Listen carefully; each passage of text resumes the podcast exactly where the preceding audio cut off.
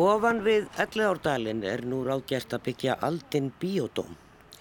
Hér erum að ræða eins konar gróðurhús. Hugmyndafræðin í kringum þessa framkvæmt skýrist betur í þætturum í dag.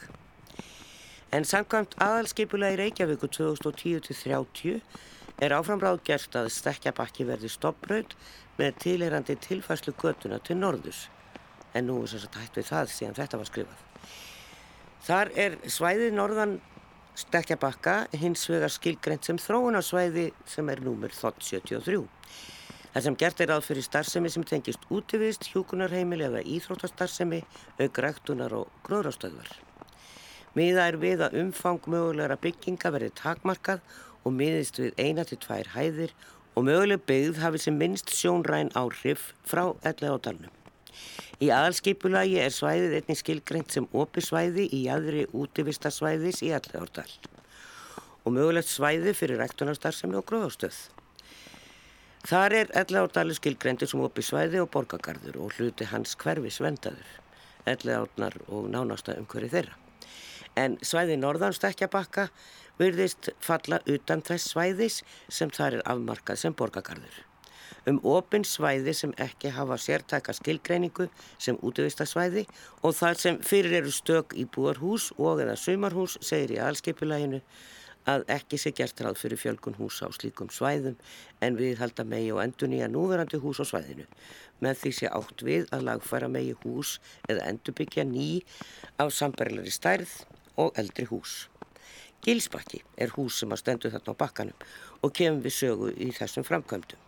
Því ákveðið hefur verið að friða það hús í rauðum flokki en það þýðir húsið hefur gildi fyrir sögu svæðisins, það er upprjónulegt að gerð og húsagerðin er dæmigerð fyrir þau hús sem var reysa á svæðinu. Því er lagt til að húsi njóti vendar í rauðum flokki. Einstök hús, húsaræðir og götumyndir sem lagt er til að venda með umhverfisvend í deiliskipulagi. Þess bara geta að húsi var reist 1942 af Mattiasi Líðsinni sem sumabústaður og það hefur verið stækkað þegar fjölskyttan byrjaði að búa í því að staðaldri en á stríðsáránum hóf fólk að byggja á svæðinu vegna húsnæðis eklu í borginni. Þetta má lesa í skýslu borgarsögursaps frá 2017. Síðan hefur þróun að vinna átt sér stað og búið er að samþekja bygginguna sem að nefnist Aldin Biodóm. Hjördi Sigurðardóttir matvæl og skipulagsfræðingur er hugmyndafræðingurinn á bakvið framkvæmdina og við heimsækjum svæðið og heyrum hvað hún hefur að segja í sambandi við Biodóm. Stofnuð hafi verið hollvinna samtök allir árdalsins. Þar er fólk sem er ekki sáttu þessa uppbyggingu. Talsmaður þeirra er Haldur Pótt Gíslason, rekstrafræðingur og er hann gestu hér á samt þráni hugsinni, landslagsarkitekt sem deiliskeipulagt hefur svæðið og svæðið kringum dalin. En við byrjum á stekkjabakkanum. Já, það er erfitt að sjá fyrir sér hér uh, á þessum stað hér við, uh, ofan við elli á dalin, vil ég nú meina. Hér sunnan megin við hann og umferðin gengur hérna fyrir ofan okkur þetta er stekkjabakki þar sem að fyrir hugað er að byggja svona bótanísk svona biodóm eins og þetta hefur verið kallað gróður hús sem að miklu leiti verður niðurgrafið en auðvitað líka verður gler því að það er nú svona merkið svona biodóma að það eru glerhísi, þetta eru gróðurhús Hjördís Siguradóttir er skipilagsfræðingur og matvælafræðingur, hún er svona hugmyndafræðingurinn á baku þetta en það er fjöldi mann sem kemur að þessari hönnuna sjálfsögðu. Við stöndum hérna við bakkan og hér er náttúrulega fullt fullt af trjám. Eh, hér er greinilega einhver skúr, einhver ráfaskúr. Hér fyrir neðan okkur er í vestur átt er hús sem heitir Gilsbakki sem að eitthvað hefur verið rætt um að fríða. Einhver saga hlýtur að vera þar. En e, þetta er svolítið stórt hús og uh, það hafa verið doldið mótmæli við, við þessu. Við ætlum að fræðast aðeins um þetta eins og kom fram á þann og já, ég veit ekki, maður nýtu þess nú gætnan sérstaklega á vetratímum að fara inn í svona gróðurhús og þau eru mörg út um allan heim og ég þekki best kannski í Kaupmannahöfn og fór oft ángað Bótanísk hafi þegar ég bjóð þar og síðan hef ég komið í mjög fallegt hús líka í London í Kew Gardens sem er mörg hundru ára gamalt og, og risa garður þar í kring En hvað er Hjördís að hugsa? Hvað, hvað vill hún gera hér og hvers vegna? Eh, hugmyndin, hvað kom hún? Já, ég, hugmyndin fættist þegar ég var í námi í Hollandi uh, fyrir sjö ára síðan. Svona, og svo hefur hún auðvitað verið að þróast og breytast síðan. En uh, ég fór á alfara að vinna við að þróa þessa hugmynd fyrir fimm árum síðan. Það voru svona ákveðin uh, skil þegar ég fer inn í Startup Reykjavík program og um, byrja á að, að þróa þetta þar. En ég hef svona ótrúlega áhuga fyrir því að búa til umhverju sem er heilandi fyrir okkur. Fyrir heilsuna og fyrir, já ekki, ekki síst andlega heilsu, en auðvitað líka nærandi umhverfi sem nærir okkur líka líkamlega með uh, matjúrtum og hotlistu. Og ég gerði sem sagt lokaritgerð í náminu mínu úti um uh, svo kallan sko borgarbúskap urban farming og skoðaði tvö dæmi og sá þá uh, þrátt fyrir að dæmin verið mjög ólík hversu gott þetta var fyrir samfélagið. Eftir að ég sá hvað var að gerast hér heima uh, svona úrfjarlæð bæði ferðarþjónustu og hvað var það meðvindið okkar um hverju annað þá sá ég ákveð tækifæri. Gætum gert stórkostlega hluti fyrir okkur, skapað innviði fyrir okkur með hjálp sjálf bara ferðamennsku. Eh, þú ert ekkert síður að hugsa um matvæli af því að þú ert matvælafræðingur. Kannski flestum svona uh, náttúrustöðum eða gróðurhúsum sem maður hefur komið í þá er verið að sína okkur jafnvel gróður frá uh, Suður Afriku, Suður Ameríku, eitthvað staðar uh, svona suðukveili jarðar, plöntur sem að maður sér ekki í okkar náttúru. Mm -hmm. Eh, en þú ert ekki síður að hugsa um eh, matvælagróður? Já, fyrst og fremst. Við ætlum fyrst og fremst að vera með fókus á matjúrtum og, ma og, og klöndum sem að framleið ávexti og græmiti, kryddjúrtir og um leið að skapa umgjörð fyrir okkur sem er falleg og nærandi. Þannig að í raun og raun konseptið er matjúrtaskóar og skóarböð og við erum auðvitað stödd hérna það sem er ákveðin skóur og falli náttúra Íslands náttúrun eins, eins og við vitum er veður ekki alltaf góð á Íslandi og Nei. við erum með vetur, langa vetur en við erum að bjóða upp á græna náttúru allan ásins ring og suðrænt loftslag inn í þessu inn í þessu rými já, já, já. sko, ég veit ekki við stöndum hérna bara á þessu bílaplani Já, eh, já og, og hérna, við, við horfum hérna niður til þess að sjáum við nú alla dalinn fyrir trjám. All, all tré hér í rauninni í Erlaðardalinn voru plönd, þeim að plantað. Mm -hmm. Þetta er ekki náttúrugróður, þetta sprett ekki að sjálfu sér. En við horfum hingað í þess átt, hérna í, eh, hvað, norðaustur, norður eiginlega bara í há norður. Hva, hva, hvað þetta verður rosa stórt? Já, sko, þetta eru þrjár einingar. Þessar gróðukvelvingar skiptast í þrjár einingar.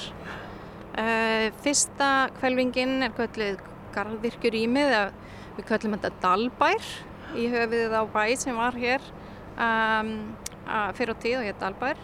Þar er fókusin á ræktun og opið rými fyrir fólk að koma inn hvernig sem það vil í, í grænan markað.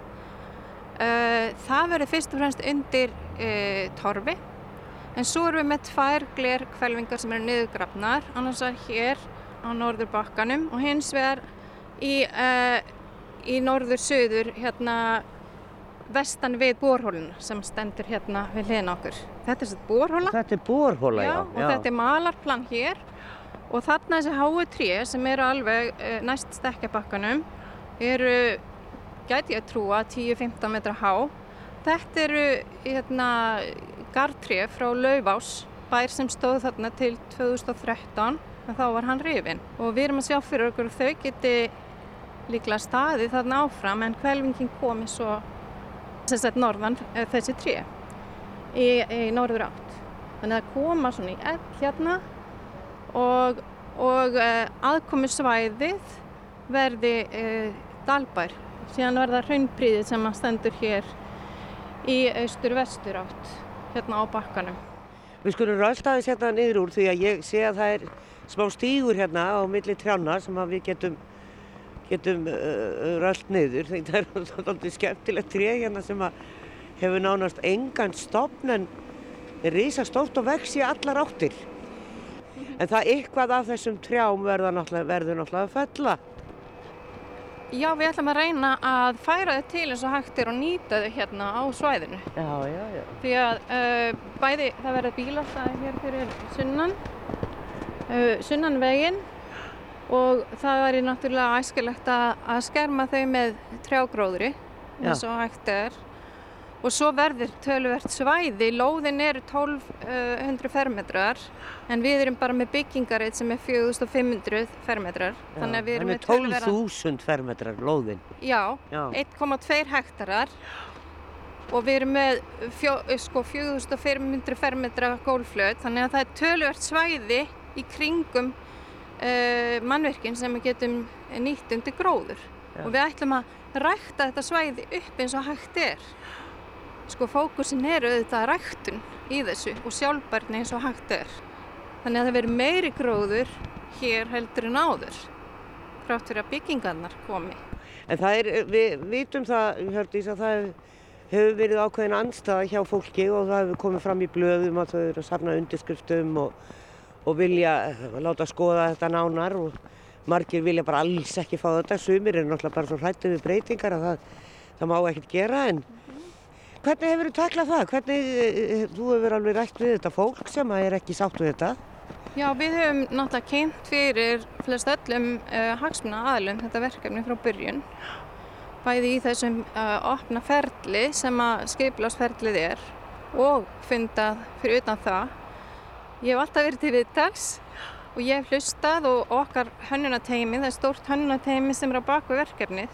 Við höfum hlustað á ekki fólks og þetta verkefni hefur tekið mjög miklum breytingum frá því upphafi þar til nú uh, út af þessum ábendingum. Mm. Til að mynda þá uh, erum við að grafa mannvirkinn tölvöld mikið niður í jörðina til þess að þau sé ekki eins sínileg og, og að hluta til undir tarfi svo að uh, lýsing sjáist ekki út úr mannvirkinu. Sagði Hjördís Siguradóttir matvæla og skeipilagsfræðingur og við heyrum betur í henni síðar í þætturum. En hér í stúdiói sitja þeir Þráin Haugsson, landslagsarkitekt á landslægi og skipulagshöfundur framkvæmdarinnar og Haldur Páll Gíslason, talsmaður Hollvina 11 árdalsins. Velkomnir. Takk fyrir. Já, takk. Það hefur gætt einhvers miskilings, eh, má segja kannski, um þessu uppbyggingu og fólk hefur jafnvel orðið doldi æst vegna þessa. Og margir telja bygginguna í dalnum sjálfum hef ég heyrt og, og hefur leiðir eitt nokkra með það. En það er sem sagt ekki þar, hann er e, upp á bakkanum. En kannski fyrst að spyrja því þráin hvernig þetta hefur þróast? Af því eins og Hjörti sagði þá hefur þetta breyst mikið á leiðinni. Já, þetta er hérna verkefni sem tók alveg hjá okkur hátt í þrjú ár. Náttúrulega ekki samfelt í, með áhlöpum og, og svo frestu sem er í skipilagsferðli til þess að skoða málinn og allt það. En vissulega þá sem sagt uh, við vinnum við fyrst út frá þeirri skipilaglýsingu sem er gert fyrir svona verkefni og höfum til hliðsjónar aðalskipulagið sem að skilgreini hvað maður gera inn á þessum þrónarétti 73 og svo byrjar þessi vinna við að máta inn hugmyndir og, og þeir sem að hérna, og þar, þarna í þessu tilfelli er spórisandin eða bí, hérna, biodóm aldrei biodóm er svona frumkvöld sem að, að frumkvæði að því að faraðin eftir ábyrningu frá borginni sem var benti á þetta sem heppilegan stað fyrir þessu starfsemi. Og þá fyrir við að máta inn sem sagt með uh, út frá hugmyndum sem koma frá hennar hannunutæmi um umfang bygginga og þess að þar og það má segja það alveg að það breyttist heil mikið á þessu tíma uh, í umfangi og hvernig þessu var komið fyrir. Með, og þá sérstaklega til að koma til móts við þessar áökjur sem við alveg skinnjum alveg greinlega um hversu sínilegt þetta væri í umhverfinu og, og, og hvaða hérna, tröflandi áhrif þetta geti harft. Já, það eru margir sem stundar allavega á dalin reglulega, öllum þykir held ég væntum hann í, í Reykjavík allavega og, og koma ánga endur úr sinnum en, en fólk hefur haft áhyggjur að þessu. Hvað, Halldór, er það helst sem að þið sjáuð á móti, hollvinir, allavega? Já, við náttúrulega teljum það náttúrulega að þetta sé svona árás á dalin. Við erum ekki sáttuð það að fólk sé að segja að þetta sé ekki í dalnum og já, ég veit ekki hvað og hvað því að við erum síðan að hoptunlega samtökjum voru stopnuð 2012 höfum við ítrekka að fara á fundi hjá borgareiföldum til að fá útlínu dalsins skilgrendar og fá að vita hvað var í dalur og hvað var ekki. Það var tekið á því máli í þeirri skýslu sem að um sjálfbara netliðádal á hópi sem Dagur Bjækjesson þá var að þegar hann tók við starfi sem borgarstjóri 2014 þá skipaðan hóp til að fara yfir þessi mál og í þeim niðurstöðu þess, þess, þess hóps þá var dregin lína við stekkjabakkan Já, svo sagt, eh, við, Já. við götuna Já, já, stekkjabakka. götuna stekkjabakka Já, já, já, ekki nýra á bakkanum já. og þetta var eitt af þeim svæðu sem við höfum verið jú að deila lengi eða fara í viðtal við við borgina, hvar liggja mörgt allsins og hvar ekki og það hefur aldrei fengist fyrst að þessi skýsla er ekki margtæk lengur að því að okkur var sagt að eftir síðustu kostningar að hún hefði ju aldrei verið samþygt að borgaröföldum Nei. þá væri hún ekki hefði hún enga tilvist í eitt eða neitt heldur bara plagg sem hefði verið unnið og svo hent hún í skúfu En, Þann, þannig, að, þannig að það er, það er svona ákveð áður gefni því að í þessa vinnu var lagðu hotlunarsamtökin og öll þau félagasamtök eða samtök sem að koma dalnum, fákur, stangveði félagið, fylgir og aðrir og þeir sem er í toppstöðunni, það voru allir aðalega sem komu að dalnum, sem komu að þessari vinnu við þessa skýslu og menn töldu sér vera búin að ná sáttum það hvað var í dalur og hvað var ekki og formaður borgar sem þá var formaður uh, yfir þessum hópi S. Blöndal, uh, Björn Blöndal Já. hann hérna læði mikla vinn í það að, hérna, að ná sátt þeirra sem voru, er í dalnum um það hvað var í dalur og hvað var ekki Það er náttúrulega er ekkert á þessum bakka sagt þarna nema gömul hús og þá tölum við um gilsbakka hérna í uppafi sem er nú meiningin að hafa svona sem minnist varða um byggðina sem varða þarna en síðan er þetta náttúrulega eiginlega bara kofar þessi fáu hús sem eftir eru og eru ónýtt. Finnst þér að ég ekki gera neitt þarna? Jú, jú, við höfum lengi lagt til að þarna er þið gert fjölskylduvant svæði auka göngustíga, búa til lundi með grillum eða einhverju slíku leiktæki fyrir börnin þannig að fólk geti notið þess að svæðis. Það höfum við lagt til og vilja að fara í meiri vinnu með borginni en það hefur alltaf verið ítt á undan sér fram og tilbaka. En þetta náttúrulega fellur alveg inn í hugmyndir í aðalskipulagi að þarna sé ykkur rektun, þarna eru íþróttasvæði, útvistasvæði. E, það er náttúrulega fullt að stígum og göngulegum inn í dalnum. Þannig að það er spurning hvort það er bæti það, þarna ertu bara alveg við umferðina. Þannig að það er kannski ekki, þetta er ekki kannski svona físilugu staður að vera mikið í göngutúrum eða með börnin sín út að leika því að þarna bara gengur umferðin fram og tilbaka á stekkjapakkanu sjálfu, sem sagt götunni. E, Það er nú tölvört í burtu. Já, já, já, en sama. Það eru alltaf kanínur þannig sem eru mjög spennandi fyrir krakka. Hvað sem að þær verða mikið áfram, nú veit ég ekki hvort það er ennþá búsetta í skálará sem að hefur séð um, um kanínurnar. En þráinn, vatnabúskapurinn og annað þarna sem að fólk hefur líka haft á að gera. Maður heyrir frá veiðimannum að það geti eitt að skemmt, en þarna er litla ellið áskildi, ég var að lesa þetta. Já, vesturallin. Já, já, sem að væri ekki einu sinni vita hvort að lags gengi upp þar.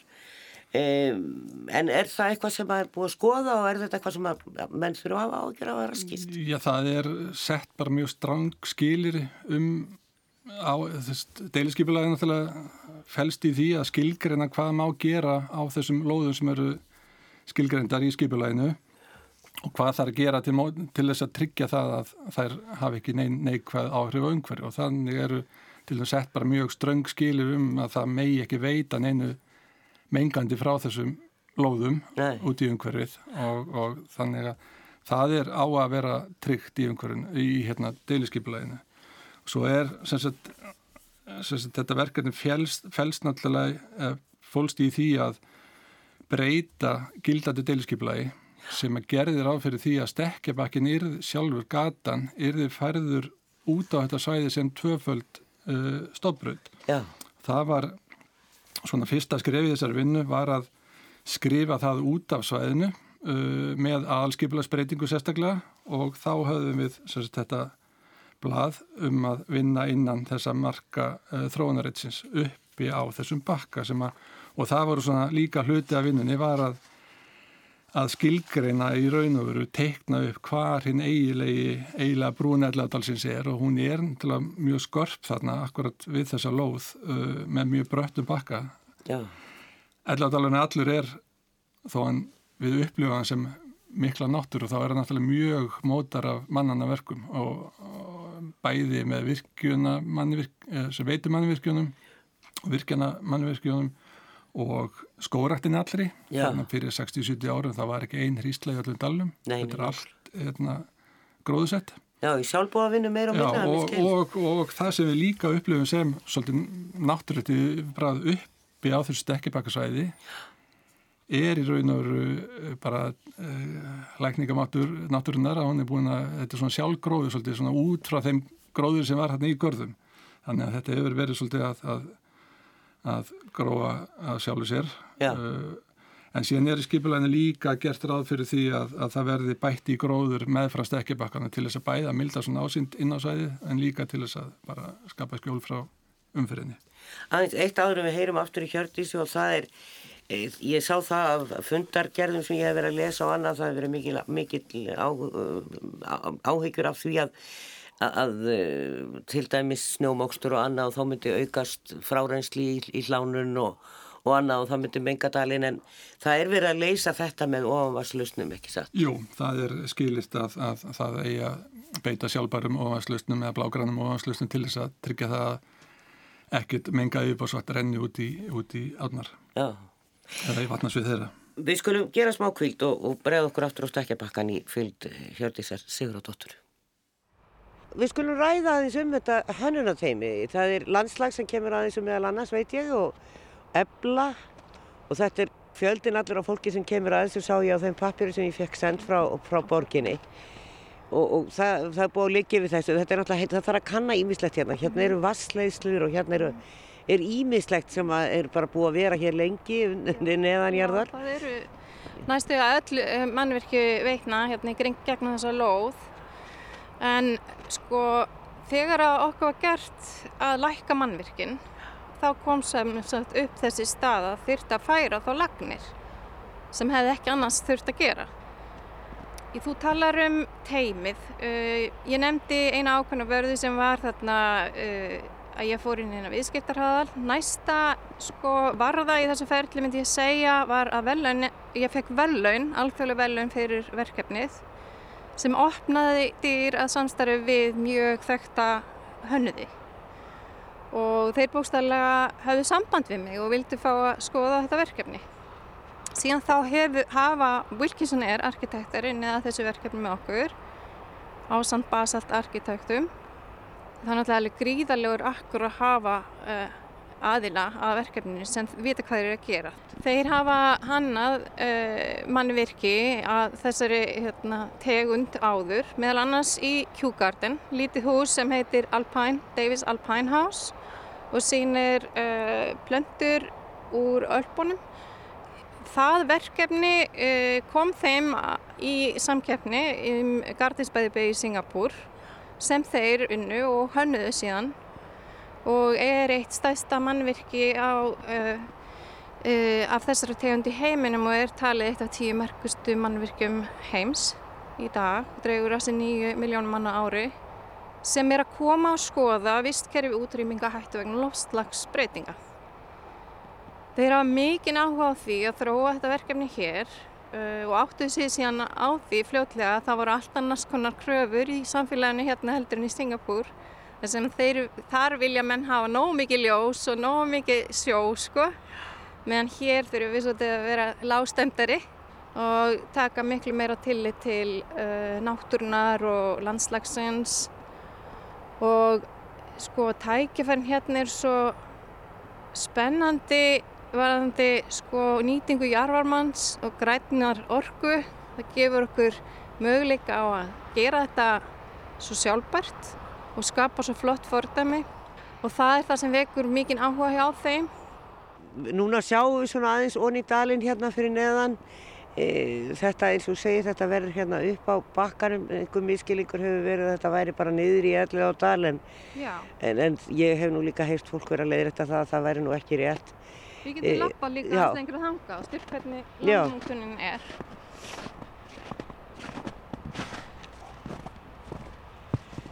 Við röldum hér um með krummum og kaninum uh, og uh, nokkrir út að ganga með hundin sinn hérna líka. En maður sér svolítið að kaninussporum hérna. En það búa kaninur hérna alveg niður við Reykjanesbrautina. Það þær fá að vera þar. En kaninur eru nú kána til að vera á Íslandi, held ég. Já, nú erum við komin hérna fram á bakkan og hérna sérðu þetta er tölverð hár bakki hérna í landinu. Og við förum ekkert út fyrir hann, við erum hérna fyrir ofan bakkan og gröfum okkur niður. Þannig að við erum ekki að rýsa nema mest nýju metra hér upp. En við erum hérna með tré sem er tölverð há allt í kring. Það á nú að fara svona nokkuð, sko, já, þetta á að falla vel að þessu landi og ekki vera mjög, að, hérna, rýsa mjög hátt eins og marg, margir hafa áhyggjur af. Það sem ég heyri er helstu áhyggjurnar eru af ymitt ljósmengun og að þarna ég að koma einhver mathöll. Og ég verð nú að segja, Ég verð nú að segja að ég myndi hérna ekki vera hrifin af því heldur því að við getum bara að fara einhvert annað og borðað en, en af því að þú ert að pæla líka í matvælaðinaði þá verður einhver veitingastæður á, Já, í húsinu. það hefur aldrei farið, e, ver, farið í neitt, neina rákvöld með það. Það hefur alltaf verið talað um það að vera með matjúrtarækt og síðan að framreiða mat sem ræktaður er á staðnum þarna. Það er veitingastæður og markaður sem verður þarna inni sem að nágrannar uh, geta komið og keift sér í matinn eða sest niður yfir tebolla eða einhverjum léttum réttum. En ljósmengunin, er, er einhver ástæða til að hafa Nei. að þínu ma mati á, áhyggjur af því? Já, það er nefnilega, ég tók eftir því að þú kynntir verkefni sem gróðurhús og þar er, það er svolítið sem ég vil ekki að sé gert vegna þess að þegar að menn tala um hugdagi gróðurhús þá sjá menn fyrir sér hús eins og yðnað gróðurhús eins og í Lampaga eða, eða út á landi sem við eru náttúrulega. Þetta verður ekki þannig hús. Við erum með stýrt uh, loftslag og, og byrtustig þarna inni og við erum að líka eftir miðjarhafsloftslagi. Þannig að við erum með lýsingu, vissulega á veturnar að degi til, en síðan kemur nótt við miðjarhaf. Þá, þá náttúrulega slökk við ljósin, mingum lýsinguna nema þá undir torfþækinu þar sem við getum verið með ræktin allan sólarhengin á þess að fólk sjá eða. Þannig áhyggjur fólk sem lýsingu er ekki á raukum reistar og það er búið að setja mjög stranga skilmála í skipulagið um lýsingu. Þannig við megum ekki fara umfram þá ljósmengun sem nú þegar er hér á þessu svæði. Það, það fylgir þessu náttúrulega alltaf og sérstaklega hérna á Íslandi enn sem komið er allavega bílastæða þörf og aðgengi að þessu húsi og, og hérna hvað, hvað verður það stórt og þú, þú varst nú að tala um að þið vildur reyna að fela það svolítið á bakvið trjá gróður Já, það er svona til að sé fallar að sjá frá íbúakverfinu fyrir ofan. Sko, það er gert ráð fyrir um 80 bílastæðum í þessu skipulagi og það er bara aðkomi fyrir fólk sem er að koma í dalinn. Það er ekkert bara að hugsa fyrir aldinn bíódóm. Það er bara aðkomi svæði fyrir það sem er að koma hér að dalinum og vilja fara í göngutúra. Það er engin skild að koma inn í aldinn bíódóm. Það er bara í bóði fyrir það sem vilja. En hvað með til dæmis að því að við erum á þessum háa bakka hérna eh, aðgengi úr dalnum og í uh, bíódóm? Já, það er gert ráð fyrir göngustígum.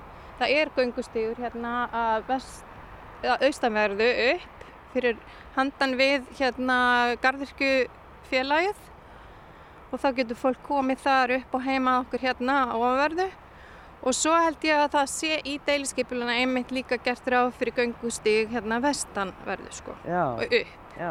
En ekki, það er ekki gert ráð fyrir stíg upp bakkan. Hann helst bara eins og hann Já, er. hann helst með svona er. Já, og eitthvað kostar það nú Hjördís að, að, að gera þetta, þetta er eh, mikil framkvæmt og uh, hvað, hvað, hefur þú sótt fjármagn í verkefni? Það hafa fjárfestar komið að verkefninu nú þegar. Og eru þeir margir? Það eru nokkri ræðilar sem hafa komið að verkefninu og, og, og svo erum við að leita af heilmiklu fjármagni en þá. Við erum í samtali við fjárfesta sem gengur bara ágætlega. Eru íslenskir fjárfestar með áhuga á verkefninu?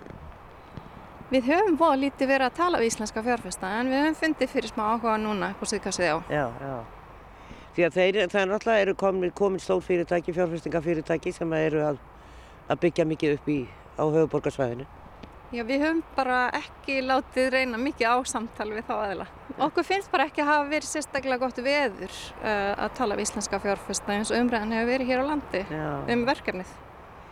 Og hvenar eh, svona reiknir með að hefjast handa? Nú eins og ég segi, það er eitthvað verið að tala um íbúakostningu, við ætlum nú að ræða það aðeins í þættinu líka og hvort að það sé hægt yfirleitt og, og einhver svör hafa nú komið að það sé svona lögformlega mjög snúið en e, við komumst að því. E, býstu við að geta hafist handa fljótlega? Því að samkvæmt áætlinn þá á þetta að vera komið 2023. Já, planið var alltaf að hefjast handa á þessu ári. Og ég er, sko, væri ekki hér og væri ekki komið þessu langt nema því ég er mjög mikið bjart síns manneska. Ég breyti það bara tímalínu ef, að- ef það þarf, en það er ennþá planið. Þetta er hljóma spennandi og ég, ég segi, ég fer nú gætnan í svona garda þegar ég fer til útlanda og hef gaman að bara koma í hveragerði í garðekjuskólan í, í gróðurhúsin þar. En þetta verður svolítið öðru í segi og við fáum samt að skoða þarna líka svona fjar, fjarlægan gróður sem við erum ekki að vennast hérna. Er það ekki rétt hjá mér? Jú, þetta verður suðræn gróður, þetta verður svo fallegt, það verður svo nættilegt að koma þarna inn. Eins og veðrið er búið að vera undanfærið, ímyndaði bara stiga inn í land svona sumarlandið. Þurfum ekki að fara til Teneríf, við höfum þetta í miðri borgin okkar, svona stað, svona heilandi græna vin. Jú, varðandi staðsetninguna þá hef ég alltaf lagt mikla áslá að vera miðsvæðis í höfuborgarsvæðinu til þess að sem flestir getur auðveldlega komið til okkar með vistvænum hætti. Þú þurfir ekki að stiga upp í bíl. Heldur bara að þú færði göngutúr eða hjólatúr í heimsók til okkar. Því að, Eða strætó? eða strætó, eða mitt, eða borgarlínu. Þetta hérna, að því að sjálfbærni uh, og vistvæn hugsun er svona kjarni í þessu verkefni. Já, þetta sagði Hjördi Sigurðardóttir matvæl og skipilagsfræðingur og er bjart sín með sitt verkefni og við hverjum hana hér með. E, það er sko eins og hún hafi orð á uh, Haldur þá þegar maður hugsa um gróðurhús þá sér maður einhvern veginn bara gler og ljós en þetta er svolítið öðru í sig þannig að við erum ekki að tala um svona, svona busta uh, gróðurhús. E, þið hafi rætt þetta svolítið mikið á ykkar fundum og, og þegar þið hafi verið að gaggrína framkvæmdina það verði allt og mikið ljós. Já, við höfum gert það og ég verð nú aðeins að taka það fram sko að Hjördi sem er búin að koma tvísvar á fundi til okkar. Já. En í bæðiskiptin var þetta verkefni engungu 1500 fermetra verkefni og meðan hún kynir þetta í gegnum allt skipulasferlið, allt ferlið og tekur þetta samtal við þessa mismunandi hópa sem að koma þarna sem hún talaði við og hún talaði vel fullt af fólki, ég ger ekki lítið úr því, en þá alltaf var hann að tala um 1500 byggingu. Það er ekkert fyrir bara kortir fyrir kostningar síðustu sem að kemur í ljós að þetta er orðið sko 4500 bygging. Og það er bara alveg heimin og haf á milli 1500 fermetra og 4500 fermetra. Já, það er líka við náttúrulega búið að breyta í þeirri hönnun að, að setja þetta nýri í jörðin og það er hverki hærra en nýju metra frá, frá sem sagt, upp fyrir bakkan sem Já. er svona svipað á mörg trénana. Já, ég nefnilega, ég hjó eftir því þegar hún sagði að tréum væri 8 til, nei, 10 til 12 metrar. Einstaka tré. Já, ég, ég, ég, ég verði að fara aftur með mín mælítæki því að samkvæmt mínum mælum þá voruð mun lærri sko, þessi tré sem voru þarna. Já. En þannig að við erum greiðlega ekki alveg sammála um það við Hjördís frekarinn um margt annað en mér langaði aðeins líka að fá svarun sem Þráin sagði hérna áðan og spurðir hann en ekki mig um hérna kvíslina sem er fyrir neðan aldinn biotóm. Já. Við megum ekki gleyma því að þetta er forskalað hús sem er botlust. Þannig að það þarf að sína fram á einhverja lausnir í því að þau efni sem þarna verið notið fara ekki út í ána því þú ert komið það látt í grunnvastöðu þegar þú ert komið nýju metra niður og ef ég man rétt, nú voru þránarleðir þetta mig, ég, ég minnir að húsið sér tekið niður 11,3 metra ef ég man rétt og svo er einhver hann ég ætla ekki Þú varst ekki rétt.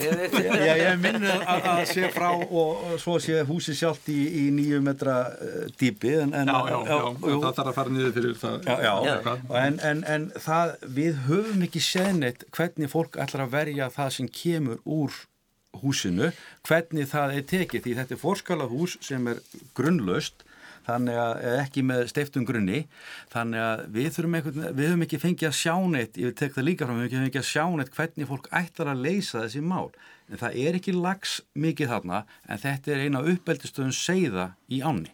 En það, við sjáum til dæmis í Urriðaholtinu núna sem er búið að byggja bara nýtt, stórt nýtt hverfi og, og, og þar eru þessa lausni og það er, það er vottað, brimvottað uh, hverfi með svona ofanvarslausnum þar sem að vatnið er hreinsað áður en það fer í Urriðavall. E, e, sko tæknin er orðin svo mikil. Er þetta mikil mál? Er, er, er verið að hugsa út að tala um sjálfbært hús? Þá gefur það auða leið að þetta hlýtur að, að, að vera þannig búnaður í, í slikri byggingu Já, ég held að, að hérna, sko, skipulag er eitt, þar eru hérna, skilirinn sett og síðan er hönnun náttúrulega mannvirkisins og verkfræðin annað. Þau, þau, þau byrjuði í sinni hugmyndavinnu og svona að reyna átt að sjá hvernig þetta getur allt saman verið en öll, allar útvæslur eru eftir en þær þurfa náttúrulega að uppfylla alla, öll skilirði bæði byggingareglugerðar og, og, og, og þessa skipulags. Það er einmitt svo stæftir þessari vottu, brímvottu. Já, brífóttun, já, já, já, já. hún er bæði til á skipulastí og svo fyrir einstakar byggingar. Uh, ég þekki þetta verkefni í Uruhald, ég hef bara unnið að því verkefni í, um langt árabil og, og hérna það er allt gengið vel þar. En ég vil svona bara aðeins svona fá að segja sko að náttúrulega elliða dalurinn uh, sjálfur er náttúrulega feikilega mikilvægt bara grænt lunga fyrir allt höfuborgarsæði.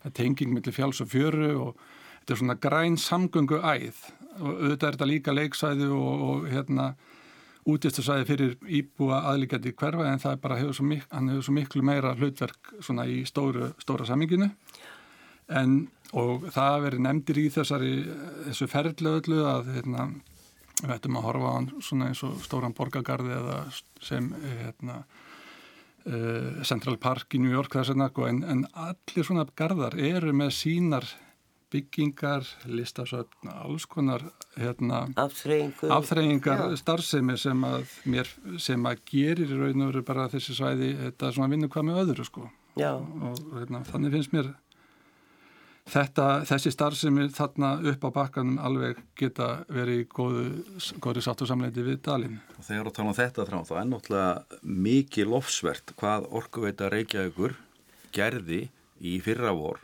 í samkeppni um allt það svæði sem er norðamenn í dalnum. Þar er verið algjörlega að taka það svæði í gegn með stígum, fræðsluöfni, kaffihúsum, Uh, rafstöðum verður opnuð aftur og þar verður sett upp safn, uh, sögur raforkunar í Reykjavík og svo Það framvegis og var fram. svo leysafn á því var loka. Já, en það, þetta verður sett öðruvís upp því þetta, það, náttúrulega, það vantaði náttúrulega eins og maður segir, það vantaði eitthvað, það safn var hinum með við göttuna, þetta safn á að vera í tengslum við virkjununa, þannig að það verður meira tengt þessu svæði, þannig að þetta, þar, þar er verið að gera alveg stórkostla hluti sem var að gerði núna í, í sumar og á næsta ári, sko, næstu tegum ránum. Við skulum halda okkur við biodóm af því við erum að ræða það í þessum þætti. E, aðeins að spyrja því að halda út þetta fólk sem er að mótmála, þetta er, segið þið haldið fram með hári tölu, nokkur þúsund manns, hafið verið að sapna í undiskriftir til þess að fara fram á breytingu á deiliskypulagi og þá með það að markmið er hreinlega að fá þetta út. Já, þetta er... Hvernig hefur verið tekið í þá? Er þetta hægt? Uh, já, við sjáðum alltaf að vildum fella þetta deiliskypurlega úr gildi en mér skilst að það sé ekki það sem að málisnist um, það er að gera nýtt deiliskypurlega það sem byggingar eru bannaðar. Eða þannig, þetta, sé, þetta er orðarleikur, löffræðing og annara, ég ætla ekki að, að, að nakriðast um það hérna í þessum þætti, Nei. en þetta er áherslatið hvor leiðin er farin. En við megum heldur ekki gleyma því að það eru tvær lóðir þarna, risastórar, og borgarfulltrúi Pavel eh, upplýsti það í, fund, í umræðum í mannikvota á Rás 2 bylgjunni að þar var ég búið að lofa garðheimum þeirri lóð 1 sem er ekki minni heldur en þessi heldur sem að mun stærri. Og þá eru við komið með tvær risabyggingar þarna í dalinn eða við dalinn sem ekki neitt getur deilt um að sjást úr dalnum þó menn vilji deilum það hvort sé ídalnum eða ekki. Þetta, þetta verður alveg eh, svona píramítar á, á, á dalnum það getur engi deilt um það. Og við erum ekki alveg sátt við þetta skipula í heilsinni Nei. við sitjum ekki út á þetta litla hús sem Garðirkifæla Íslands er að fara eh, það var þarna undir sína félagstarsemi það er bara svona krækibri helviti með þessi risabyggingar sem við erum að ræða þarna. Þannig að við viljum fá að sjá þetta í hildrannu hætti Borgin, borgir þróast og breytast og það er nú alltaf þannig og það eru margi staðir í Reykjavík sem hefur verið byggt á og marga bygginga verið reistar sem hefur verið mótmælt, það eru á samt komið, skemsta minnast Ráðhúsins, Perlunar, Hæstaréttar og fleira sem er reyndar inn í borginni og ég veit ekki þegar það er til land þá er nú reynd að nýta það. E, og þarna eins og ég segi þarna er ekkert fyrir, þið viljum bara hafa þetta eins og þetta er en samt laga en ekki byggja neitt, þið viljum bara vera laus við það. Mm -hmm. Eh, en það er, þú ert að skipulegja þetta þráinn, eh, sem sagt ekki bara þessa lóð. Nei, sko, deiliskypulaði næri við stærra sæði. Stærra sæði og alveg rétt eins og haldur segja að, að hérna, vesturhlutin, hann var, þar vorum við að máta inn líka hugmyndur um uh, svona vestlun fyrir garðkjústarðsemi og uh, með bílastæðum og þess að það var hluti af niðurstöðunni að hafa það ekki inn í þessu deiliskeipulagi, heldur bara skilgreina lóðina sem slíka og, og það til dæla stóra. En ef að menn ætluðu sér að byggja þeirri lóð þá þarf að breyta deiliskeipulagi aftur og fara með það í tilsvandi kynningaferli eins og þetta hefur verið. Þannig að ég veit ekki hvernig það málstendur en bara að þú nefndir hérna perluna þá sko er ágætti samabörðu sko. Perla náttúrulega stendur á ösku hlýðinni og hérna gnæfir þarna yfir og, og kúpöllin á perlunni er að með minni svona 14-15 metra hár. Uh, þannig svona til samabörðu við þetta. Það er enginn sem að hefur, ég aldrei hirt neitt kvartu við ljósmengun úr perlunni en þetta er ekki skipulega ræktunastar sem er þar. Nei, það er, er alltaf útvistasvæði í öskjuhlýðinni alveg svo þarna já, já, sem að margir sækja. Og hún er orðin bara kenniliti sem við erum öll stolt, stolt af hvort sem við erum reykjavíkar eða hafðferingar þessu ég. Og ráðhúsið með torkið sitt inni hefur líka aldrei snýst vel og fólk var nú aldrei svo mótið því húsi á sínum tíma og mikið læti Já, við meðum þetta ekki gleyma því sko að þessi staðsetning í elliðátalunum kemur eftir fund sem er haldin í ráðhúsinu með Hjördísi Hjöl, og Rólfi Jónssoni og Óla Erni sem er haldin 19. janúar 2016 þá hittist fólk og fyrir að ræða hvaða mögulegur aðrir eftir að það er búið að hafna þessu í laugadalunum og, og það er svo aðtilsvægt að, að lesa þessa grein að því þar er alveg ótrúlegi staði valdur og maður skilur alveg að menn segja sko, uff, getur farið með þetta í ellið átalinn því það er tekið sem dæmi að valkostu spórs í sandin eftir þennan fund er norðaustur hluti Klambratóns við hliðin á kjærvalstöðum það var valkostur 1 valkostur 2 var norðaustur hluti Östubæjarskóla á móti Sundlögur Reykjavíkur. Valkostur 3 var upp í Elliðádal valkostur 4 var neðst í Fossvóinum það sem, sem borgarspítan er á því svæði, það er alveg neðst í dalnum. Valkostur 5 var hérna á milli, eða við háskólinn Reykjavík og Nautóls og, og númið 6 valkostur var fyrir framann Háskóla Íslands á bílastæðinu hjá Norrnásu. Þetta eru dæmi um það, sko þesta dæmi um það hvaða valkostir voru opnaðir á þessum fundi er algjörlega fyrir neðan allar, allar hellur. Okkur finnst held í flestur reykvíkingum þetta svona nánast heila í staðir hérna nokkra þeir sem við nefndir við hliðin á klambratúni, við hliðin á kjarvarstöðum og svo framveg. Þetta er alveg ótrúlega hvað staðsetninga voru í bóðu það. Já, já, já, en ég veist að það er náttúrulega fer alltaf í gegnum allt sitt lögformulega ferli og þess vegna var náttúrulega hægt við þessa staði af því að það var kannski ekki skynsalegt að byggja svona hús við hliðin á kjarvarstöðum eða á bílastæði hjá Háskóla Íslands en enda á ekkert erindi þannig að þetta er í náttúru umhverfi og við erum að tala um náttúru í, í svona húsi og, og það sem við getum skoðað framandi hluti sem við sjáum ekki hér í náttúrunni sem er spennandi og er náttúrulega hefur mentunagildi fyrir, fyrir unga nefnendur og annað að, að skoða hér á höfuborgarsvæðinu og svona kannski einna kostum þess að, að opna slí, slíkar stað en, en ég minn það er endalist að það deila en, en er þetta mest fólk sem að býr þarna eða